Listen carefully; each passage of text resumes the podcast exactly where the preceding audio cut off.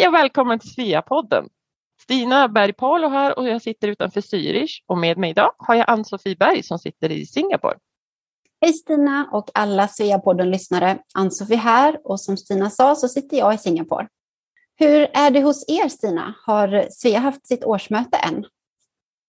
Ja, Svea Zürich hade det i början av februari, men tyvärr även i år över Zoom. Men nu har de flesta restriktioner blivit borttagna här i Schweiz och vi kommer att mötas mer som vanligt. Så eventgruppen här har börjat planera massor med roliga träffar under våren. Vad roligt att höra. Här i Singapore så hade vi vårt möte i slutet av februari och vi fick också ha det på Zoom eftersom vi bara får mötas fem stycken i grupp på grund av Singapores covid-restriktioner. Men det gav ju oss en möjlighet att bjuda in Katarina Hansson som är vår nya internationella ordförande. Hon sitter ju i Perth, så vi sitter ju i samma tidszon. Hon berättade lite om sig själv och lite om Sveas framtid och såklart om Sveas världsmöte som går av stapeln i Fort Lauderdale 28 april till 1 maj. Från vår avdelning så kommer vår nya ordförande och vår sekreterare att åka. Hur ser det ut för er? Eller ska du kanske åka Stina? Ja, det är så underbart att vi kan börja ha världsmöten igen. Jag tror det är många som har längtat. Jag kommer inte att åka själv, men det blir nog två stycken från vår avdelning som åker också. Men i dagens avsnitt av Sveapodden ska vi hålla oss i Asien, lite närmare dig Ann-Sofie, eller hur? Ja, vi har ju pratat med Eva Björk som bor i Peking och där är hon delägare i flera restauranger. Vi kanske ska nämna att på frågan om vi skulle säga Beijing eller Peking så tyckte Eva att det inte spelar så stor roll och att Peking fungerade för henne. Hon har ju bott där i cirka 20 år så hon borde ju veta. Ja, precis. Och hur det kommer sig att hon hamnade just i Peking, det kommer hon själv att berätta. Vi får också veta lite mer om hur det är att driva företag i Kina och att Eva har vid den kinesiska muren något som vi svenskar skulle benämna en stuga på landet som de brukar besöka så ofta de har möjlighet. Och jag hoppas verkligen att Kina öppnar sina gränser snart så man har möjlighet att besöka den kinesiska muren. Det står nämligen på min bucketlist av saker att se och göra. Ja, kinesiska muren finns även med på min bucketlist och att besöka den vore ju inte helt fel när gränserna börjar öppna igen. Men nu är det dags att höra från Eva.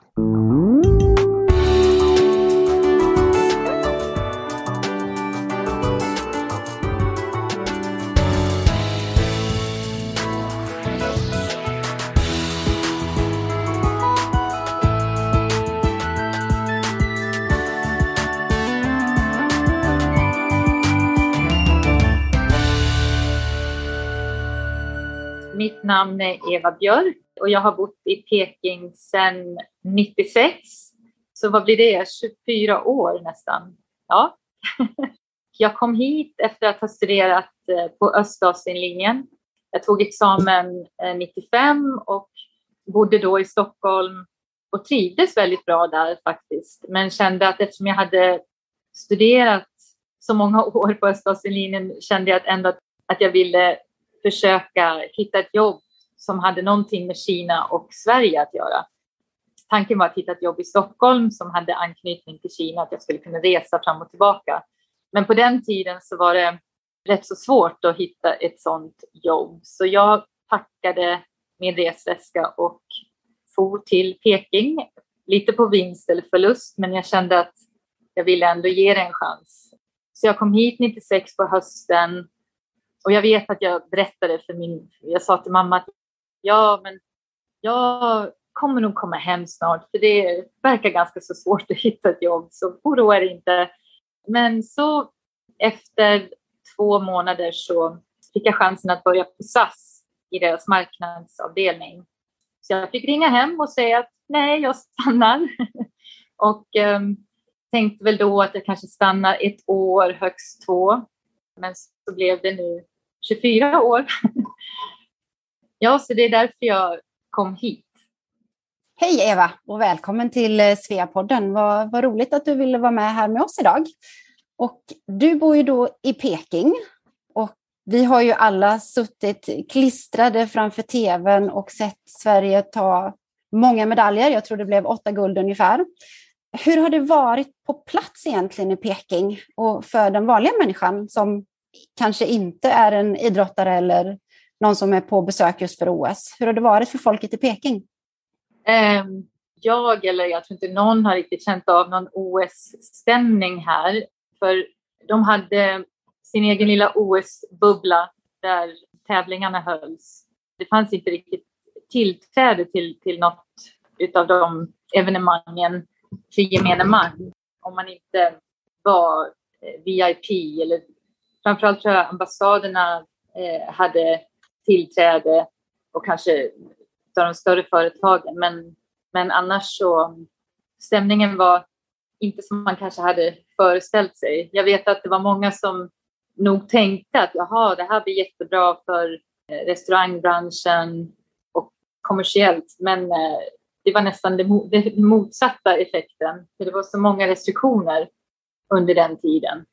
Jag tror att de som fick ehm, eh, tillträde, de var tvungna att ta två covid-tester innan tävlingarna och sen efter också två, ytterligare två covid-test. Och skulle det vara så att, någon, att det var någon som testade positivt inom, jag vet inte till exempel om det gick på en hockeymatch, så skulle då alla eh, få vara i karantän. Jag förstår. Det var inte riktigt den här glädjen man kanske har över, över själva OS, utan det blev ett orosmoment istället, att allting skulle fungera för. Ja, ja, ja faktiskt. Jag kan tänka mig det. Du driver ju en restaurang i Peking. Kan du berätta lite om det? Ja, visst. Vi öppnade vår första restaurang 2008, faktiskt precis före sommar-OS. Den restaurangen som jag sitter vid nu heter Mosto. På engelska säger man casual fine dining. Så vår meny är contemporary, internationell meny. Mina partners är från Sydamerika, så det är lite sydamerikanska inslag och influenser. Därefter har vi faktiskt öppnat totalt sett 18 restauranger, olika koncept. Och sen har vi ju såklart under åren också stängt några. vi driver också ett uh, fast casual café, Mocca Bros. Och jag såg att du hade undrat lite om Buddha Bowls och Poke Bowls. Så det, det är den restaurangen. Um, och sen har vi också en bar som heter La Social som jag sitter vid nu. Alla de här 18 ligger i Peking och baren. Alltihopa ligger i Peking? Nej, utan det är över Kina? Ja, just, just nu har vi inte 18 utan det är under åren. Nu har vi 10 restauranger och två barer. Och tre av restaurangerna är i Shanghai. Eller fyra faktiskt. Vi har precis öppnat Mosto också i Shanghai bara för några veckor sedan. Eh, och sen har vi också en Mocca Bros i Chengdu i Sichuan-provinsen. Ja, okej. Okay. Spännande. Hur, hur är det att driva företag i, i Kina? Hur funkar det? ja, um, hur är det? Ja, jag, jag har ju egentligen ingenting att jämföra med. Det är ju här jag har startat min karriär både inom SAS och sen som entreprenör. Men, um, nej men det, det är eh, tror jag som säkert överallt i, i världen, upp och ner och många utmaningar.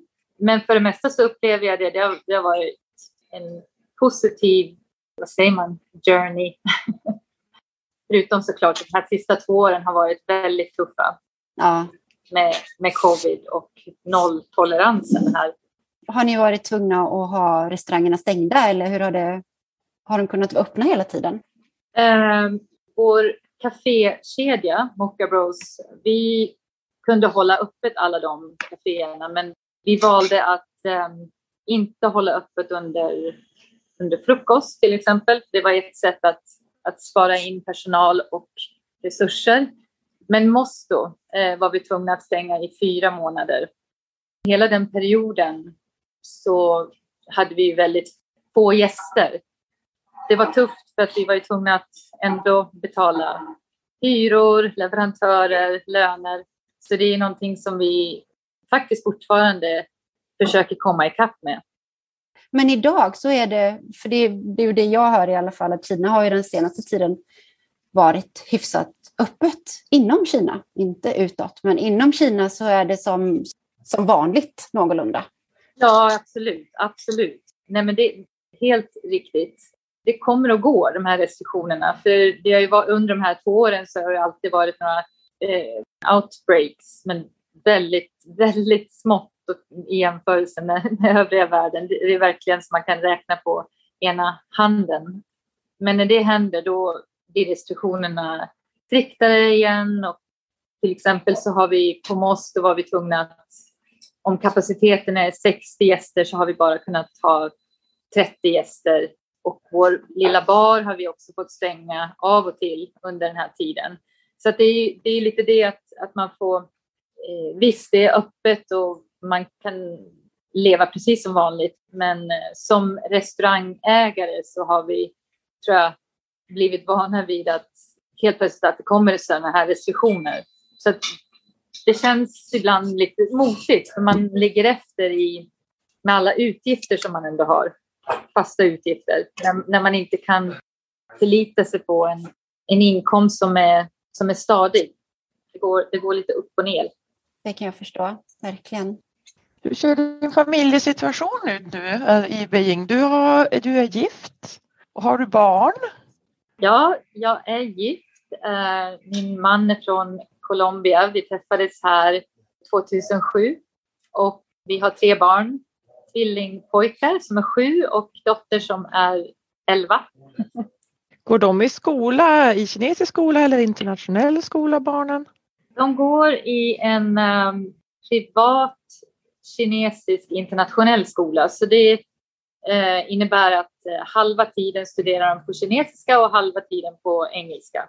Så det är inte en full internationell skola som ni säkert har i, i Singapore, till exempel ISB eller British School. Stämmer. Lär sig de de svenska då, barnen på internationella skolan? Eller? Ja. Nej, det är väl jag som får stå för den svenskan, men jag måste faktiskt erkänna att den, det är väldigt jag, jag, har inte varit så bra på det på sista åren, för vårt gemensamma språk på hemmaplan är engelska.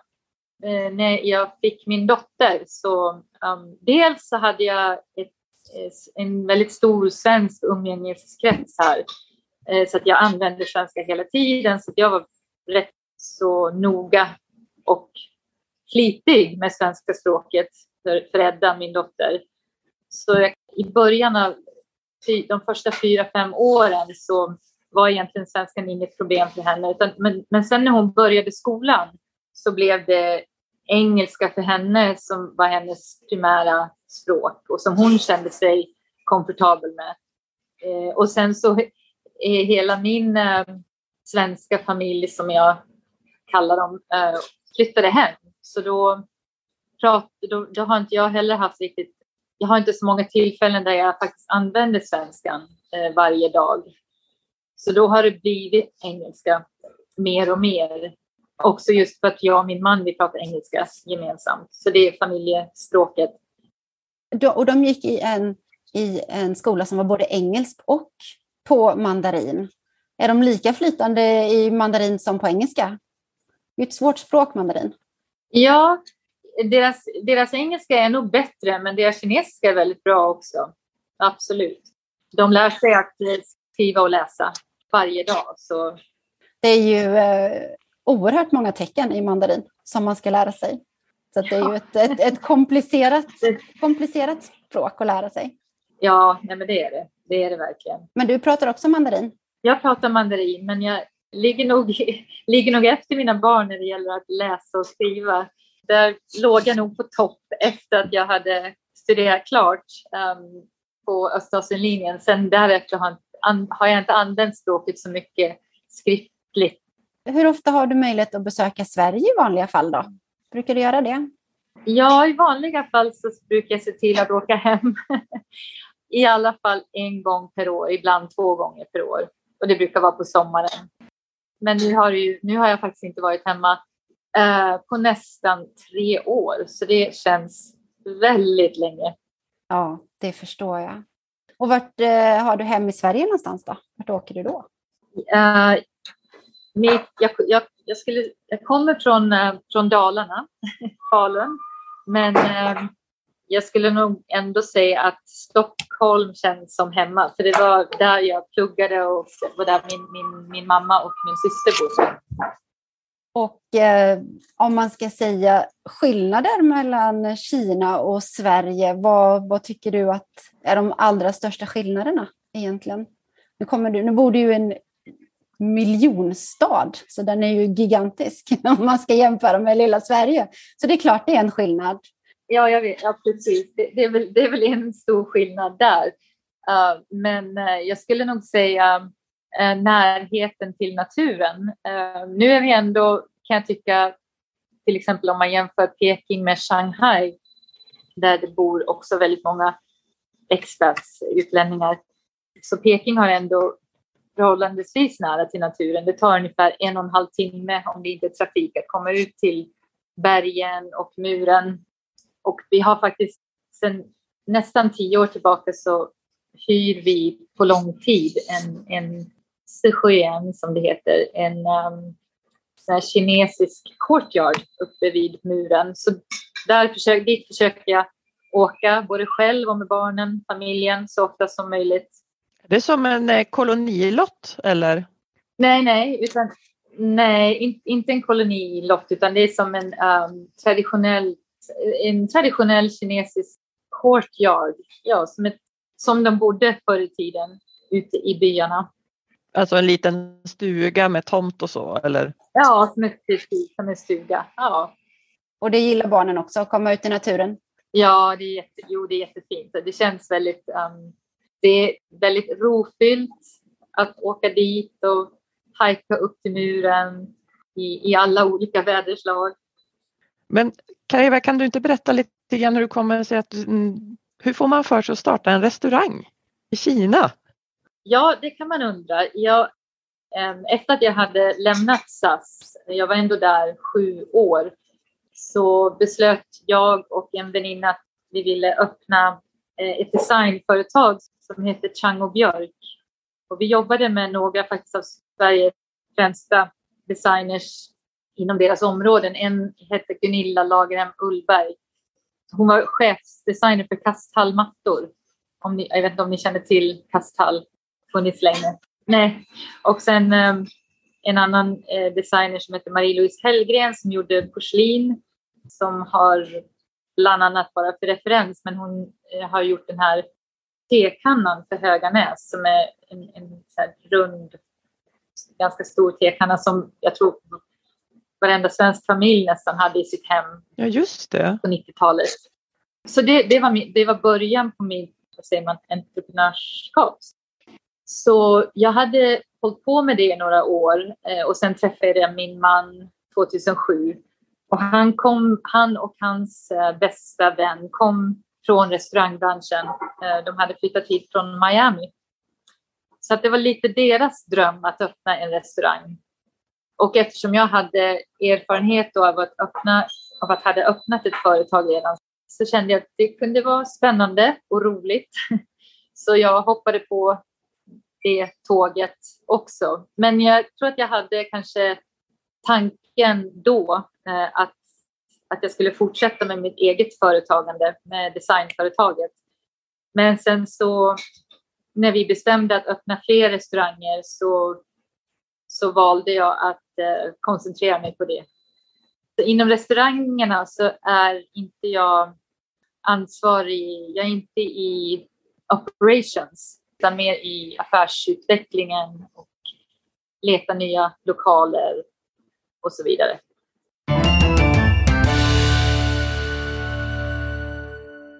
Men varför ska man gå med i Svea när man bor utomlands?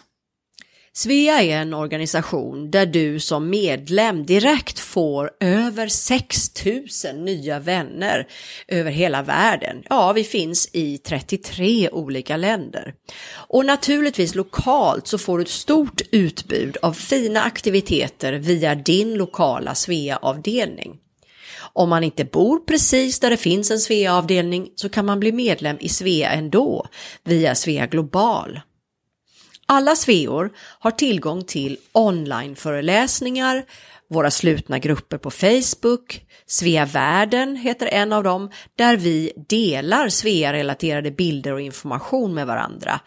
Svea Professional Världen är en annan sluten grupp där man kan prata karriär och arbetsliv och dessutom hitta eller erbjuder sig själv som mentor inom Svea med andra Sveor. Och sen har vi även en grupp som heter Svea Art, en sluten grupp på Facebook för alla konstintresserade Sveor och så Svea Bus diskussion för allting som har med barn utomlands att göra. Bra, eller hur? Ja men så är det verkligen. Man får en massa nya vänner direkt både lokalt och globalt. Ja, och inte, för att inte tala om de otroligt intressanta världsmötena som Svea International arrangerar vartannat år under några dagar tillsammans med en lokal avdelning. Och då kommer många Svea-medlemmar och deltar i urfina program med föreläsningar, turistattraktioner med mera. Vi har ju till exempel haft världsmöten i Dubai, Bologna, Arizona, Perth, Kuala Lumpur etc. Men sen finns det ju en hel massa lokala träffar såklart och regionmöten som man som medlem i Svea är varmt välkommen att delta i. Men Maria, berätta lite vad man får som medlem lokalt, till exempel i Svea Rom där du numera är ordförande. Ja, men som alla lokalavdelningar har vi ju en massa roliga aktiviteter och traditioner för våra medlemmar. Vi ses ju runt svenska traditioner och högtider, men vi har ju också enkla träffar på stan och, och till exempel har vi en mycket populär månadsaperitivo. Aperitivo är Italiens motsvarighet till AV, after work kan man säga. Men det handlar ju också helt enkelt om nätverk och vänskap. Gå in på vår hemsida svea.org och bli medlem du också, för Svea, det är fantastiskt. Vad är de största utmaningarna då med att driva, driva en verksamhet i Kina? Um, ja, det är många.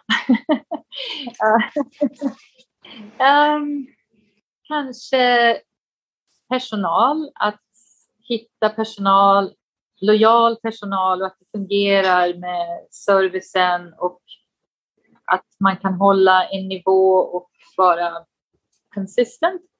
Men sen också förstås, det är, det är ju mer med, med, kanske med driften, men sen just det att man måste hålla sig uppdaterad med nya lagar som kommer från, eh, ja nu säger jag det på engelska för jag, hittar, jag hittar inte ordet, men Hygiene Bureau, Fire Bureau. Det kan ibland vara väldigt utmanande för att de kommer ibland och säger nej men nu måste ni göra om på det här i köket eller nu måste ni lägga till en, en vägg, en brandvägg. Det är en utmaning, men det är också samtidigt så, har, så tror jag man lär sig, eller jag har i alla fall lärt mig genom åren att eh, man får vara flexibel. Eh, jag tror som egen företagare kan man ibland kanske vara orolig för hur saker och ting ska gå. Um, och speciellt förstås under de här senaste två åren. Jag har tänkt mycket på det för att jag har fått frågan förut och jag känner att den största utmaningen är egentligen hur man personligen um, hanterar de här upp och nedgångarna. Men hur är det med byråkratin? Jag vart ju lite förvånad när jag flyttade till Schweiz att här älskar man papper och det ska vara papper på allt. Och alla vill ha ett papper och de vill veta allting. Hur är det i Peking? Med byråkratin, är det enklare eller mer komplicerat än i Sverige? Nej, det är, väldigt mycket papper här också, framförallt mycket stämplar. Allting ska stämplas eh, och signeras. Så det är absolut, men nu med åren så har vi också kunnat, vi har en, ett större team nu så att jag, jag behöver inte själv involvera mig så mycket i just det här byråkratiska, men det är väldigt mycket, absolut. Gör de många, som du sa, att de gör förändringar och lagar för att ni måste göra förändringar i, i restaurangen eller i verksamheten? Är, händer det ofta? Att det liksom sker ofta? Uh, nej, jag kan inte se, in, inte ofta, men ibland så är det mm, när det sker så är det oftast någonting som man får man får räkna med att det kommer kosta pengar och att, och att man kanske till och med, om det är nu till exempel att man måste helt plötsligt ha en, en, en brandvägg till exempel, eller om man måste lägga till tre handfat i köket. Då får man ju, det, det, kom, det kommer ofta så o... Det är ingenting som vi får, eh, som de säger till om i förväg, utan det bara sker helt plötsligt. Men jag tror att jag har lärt mig hantera det där lite bättre nu. I, i början så var det, ja, det, det var bara, var inte speciellt kul när man fick helt plötsligt order om att lägga till eller göra om och det tillkom stora kostnader. Ibland fick man stänga kanske i några dagar eller en vecka. Som svensk är man ju inte van vid det. Som svensk vet, vill, har man ju lite framförhållning och man får oftast reda på det i tid. Och det... Framförhållning, det är det. det kanske inte finns i Kina. Det har man kanske inte där. Nej, precis. Och det är samma med den här nolltoleransen och restriktionerna. Och nu vet vi ju nu vet vi att de här restriktionerna de kan komma inom en timme eller två. Alltså det, det är ingenting som de alls ger någon förvarning om att okej, okay, nästa vecka så måste ni... Ja, en, till exempel så var vi tvungna att slänga all lax. Jag vet inte om ni hörde om det, men... Jo, jag läste om det. Ja, eh, och då, då kom de från Hygiene Bureau och stod och tittade på när vi slängde all lax vi hade i, i frysen som var absolut, det var absolut inget fel på den där laxen. Um, det var bara någonting, det, det, får, man bara, får man bara göra. Varför ville de att du skulle slänga just laxen? Uh, därför att det var, um, ja hur var det nu, men det, det, var att de hade, de trodde att det, coronavirus hade kommit in i Kina via seafood och speciellt lax. De hade väl gjort någon smittspårning va? Och, och så trott att det var de här varorna som gjorde att, uh, exakt, exakt. att det startade upp några sådana clusters som de kallade det för. Jag vet inte. Mm. Det är ju det vi, vi ser. Jag tror att jag sitter ju ändå i Singapore. Vi har ju haft oerhört strikta restriktioner. Det har ju många ställen i hela världen varit. Nu öppnar vi ju lite smått här.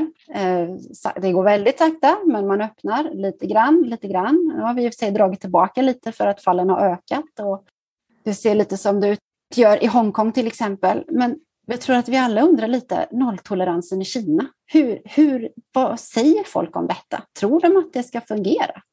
Vad säger kineserna? Jag har faktiskt inte, jag kan säga kanske valt att inte prata om det heller så mycket med, um, med mina kollegor till exempel. Jag tror att de känner ett lugn och jag tror att alla tänker nog att det är det bästa sättet som, som Kina har valt att agera på. Men sen tror jag också att det är många som, som tycker att det är helt enkelt för mycket. För vi, jag tror att, jag menar det är klart att kineserna också vill ut och resa som de har kunnat göra. Det är jättemånga kinesiska familjer som också har splittrat, splittrats under de här två åren. Som har familjer i Europa eller USA. Men jag tror speciellt för oss utlänningar som bor här så det är svårt för att jag menar, jag själv till exempel har inte varit hemma på tre år. För man har inte fått resa mellan provinser heller va? Ja, från början. Och sen har, beror det också på, till exempel eh, fick jag just höra häromdagen att de har eh, Hainan Island som många åker till och semestrar på nu. Eh, nu går det inga flyg längre från Sanya, huvudprovinshuvudstaden, eh, till Peking för att de har hittat ett fall.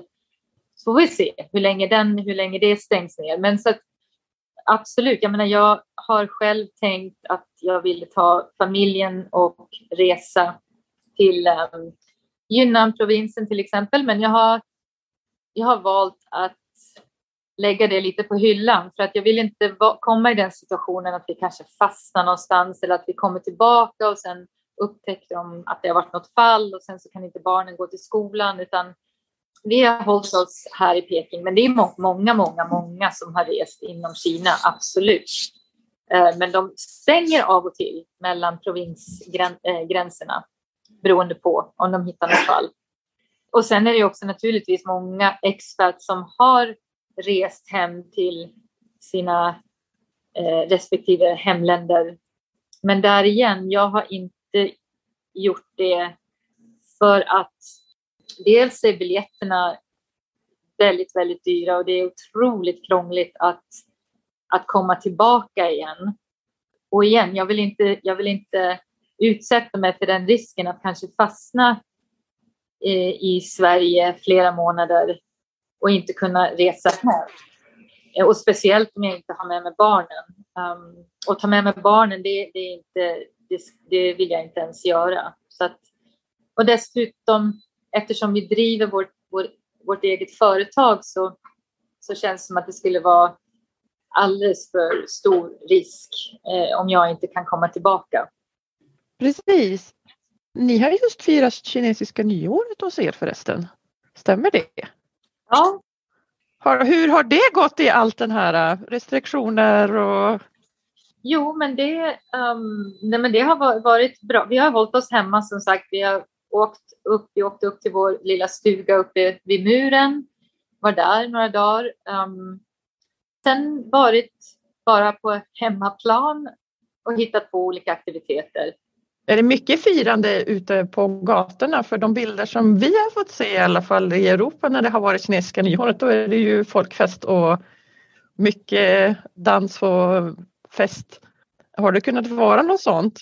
Ja, fast det, det tror jag inte att jag har sett ursäkta, någonting av här i, i Peking utan eh, det har, eh, jag tror att man, man kinesiska eh, nyåret firar man som vi gör jul. Man man äter mycket mat, man är hemma med familjen. Så det är en, en, en sån hem, hemtradition. Här i, i Singapore så är det ju den största, en av de största folkgrupperna är ju kineser så att man firar ju kinesiskt nyår här också. Det man gör här är att man eh, man äter tillsammans såklart, men så blandar man en slags nudelsallad som man tossar i luften. Jag tror att det bara är singaporianskt. Det gör man inte i Kina, va? Nej, det har jag inte Nej. Va, vad är själva traditionen mer än att man, mer än att man eh, möts hemma? Vad har man mer för traditioner i Peking under det kinesiska nyåret? Ja, till exempel här så på Mosto, vår restaurang, så våra kock, kinesiska kockar, de eh, gör, eh, vi stänger nämligen på kinesiska ny, på nyårsafton och under nästa under kinesiska nyårsdagen. Så de lagar ihop en fantastisk måltid. I, i år hade vi jag, 25 rätter. Oj! Och så sitter vi samlade allihopa och äter i flera timmar. Ja, det, det är så, så vi firar här. Det är så ni firar? Ja, men vad härligt. Under de första åren, um, nu har de nu är det förbjudet att um, använda fyrverkerier, men det var väldigt mycket det eh, i, i, i början här när jag bodde. Är det på grund av pandemin man har förbjudit det? Eller, för det är väl en av de stora grejerna? Nej, det har, det har bara förbjudits. Jag tror att det var alldeles för många olyckor som, som hände. De är helt galna i smällar har jag hört när det brukar vara kinesiskt eh, nyår. Ja, helt tokiga. De är jätteglada. I Schweiz så är det en eh, mer än eh, jag skulle säga att de har aldrig varit med om ett land som skjuter så mycket fyrverkerier på nyår som i Schweiz. Mm. Och de börjar klockan 11 och håller på till ungefär 1-2 på natten med att skjuta fyrverkerier runt nyår. Jag har aldrig varit med om ett land, så jag tror till och med att, som älskar sina fyrverkerier som de gör. Mm, hade jag ingen aning om. Ja, coolt. Det låter som Peking back in the. Vi i Singapore, vi har ju, man har ju alla sina egna appar. Eh, I Singapore fick vi en, en del speciella appar här med pandemin och sånt. Men Kina har någonting som heter WeChat. Kan du berätta lite om det? Ja, WeChat. Um, det är väl ungefär, eh, jag skulle likna det kanske eh, med WhatsApp. Uh, det är väldigt annorlunda, men, men, men just det att det är, så, det är en kommunikationsapp. Så men det är mycket mer än så. WeChat använder man nu eh, för att betala, göra alla sina betalningar, eh, nästan allt skulle jag vilja säga. Så att pengar används inte som cash, används inte så mycket mer alls längre. Um, och det är såklart, vad säger man, convenient. Och jag har blivit så himla van vid det där nu så att sist jag var i Sverige så var det, det var verkligen en annorlunda man är så van att bara scanna en kod eller det, det är så lätt att, um, allting är i telefonen och allting är i den här WeChat. Så att du kommunicerar med dina vänner eller med, med jobbet. Det är också, nu använder vi inte e-mail så mycket längre utan det är all, all kommunikation är via chatten. Med skolor som har sina egna, vad ska jag säga, som egna hemsidor på appen. Eh, så du gör till exempel om jag måste beställa skoluniformer så går jag in i WeChat, öppnar Daystar som det heter, deras skola och sen så går jag in där kan göra alla beställningar. Jag får alla uppdateringar på skolan därifrån. Också jobbet som sagt. Är det som appar i en app när du säger så? Eller hur ska man? Ja, eller mini-programs kallar de det för.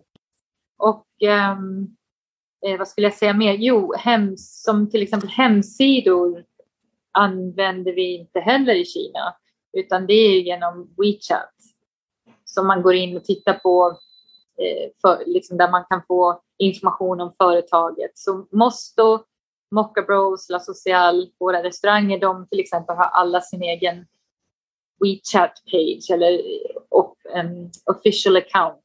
Man har som ett konto är det väldigt komplicerat att lägga upp då en, en ny, eh, för din, om du skulle öppna upp en ny restaurang i WeChat att starta upp?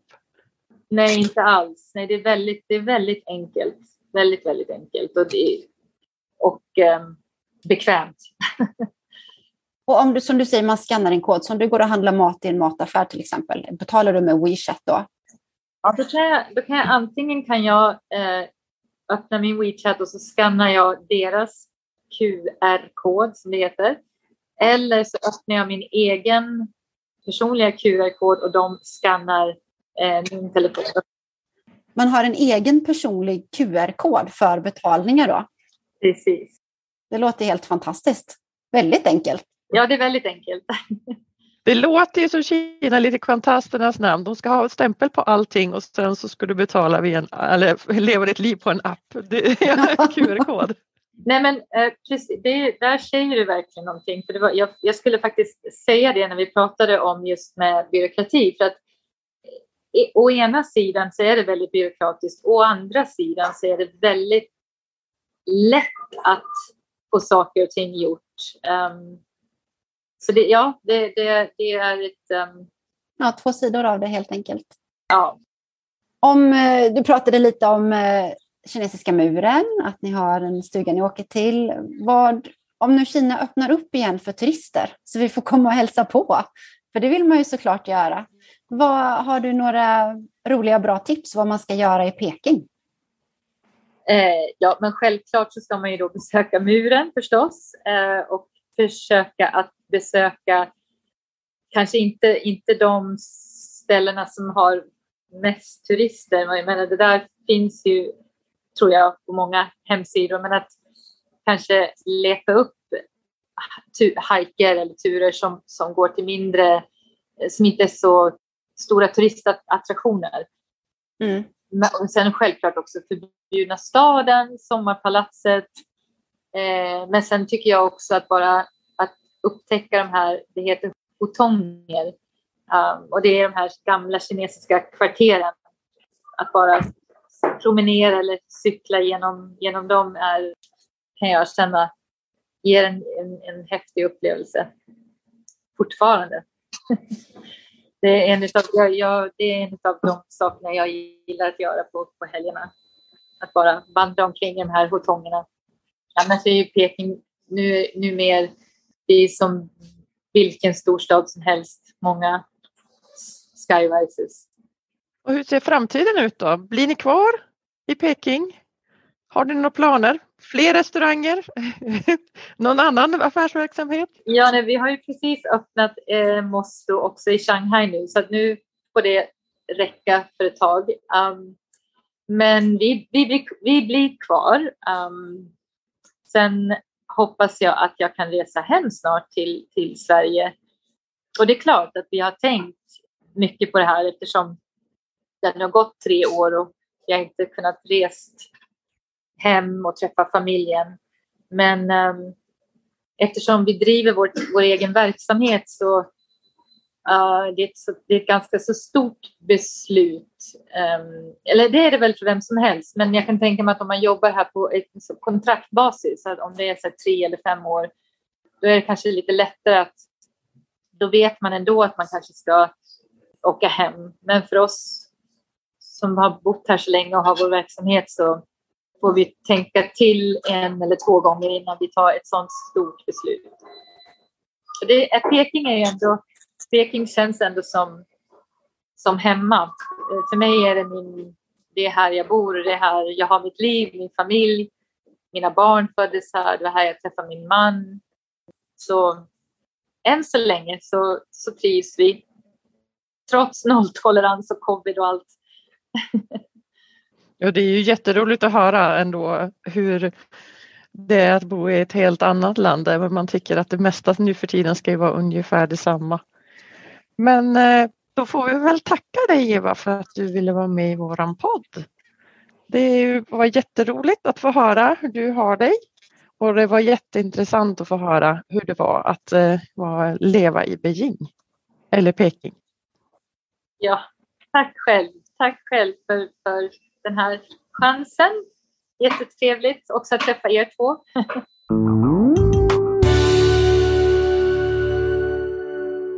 Tack för att du har lyssnat. Den här podden är inspelad och producerad för Svea International. Musiken är skriven för Svea av Fredrik Åkerblom. Alla vi som på olika sätt är involverade i produktionen gör detta som en del i vårt frivilliga engagemang för Svea. Sveapodden finns på de allra flesta ställen där du hittar poddar. iTunes, Google Podcasts, Spotify, Acast etc. Om du saknar något poddställe så skicka ett mejl till sveapodden gmail.com. Mer information om Svea hittar du på vår webbplats svea.org och i sociala medier så finns vi på Facebook, Instagram och LinkedIn och där hittar du oss som Svea International.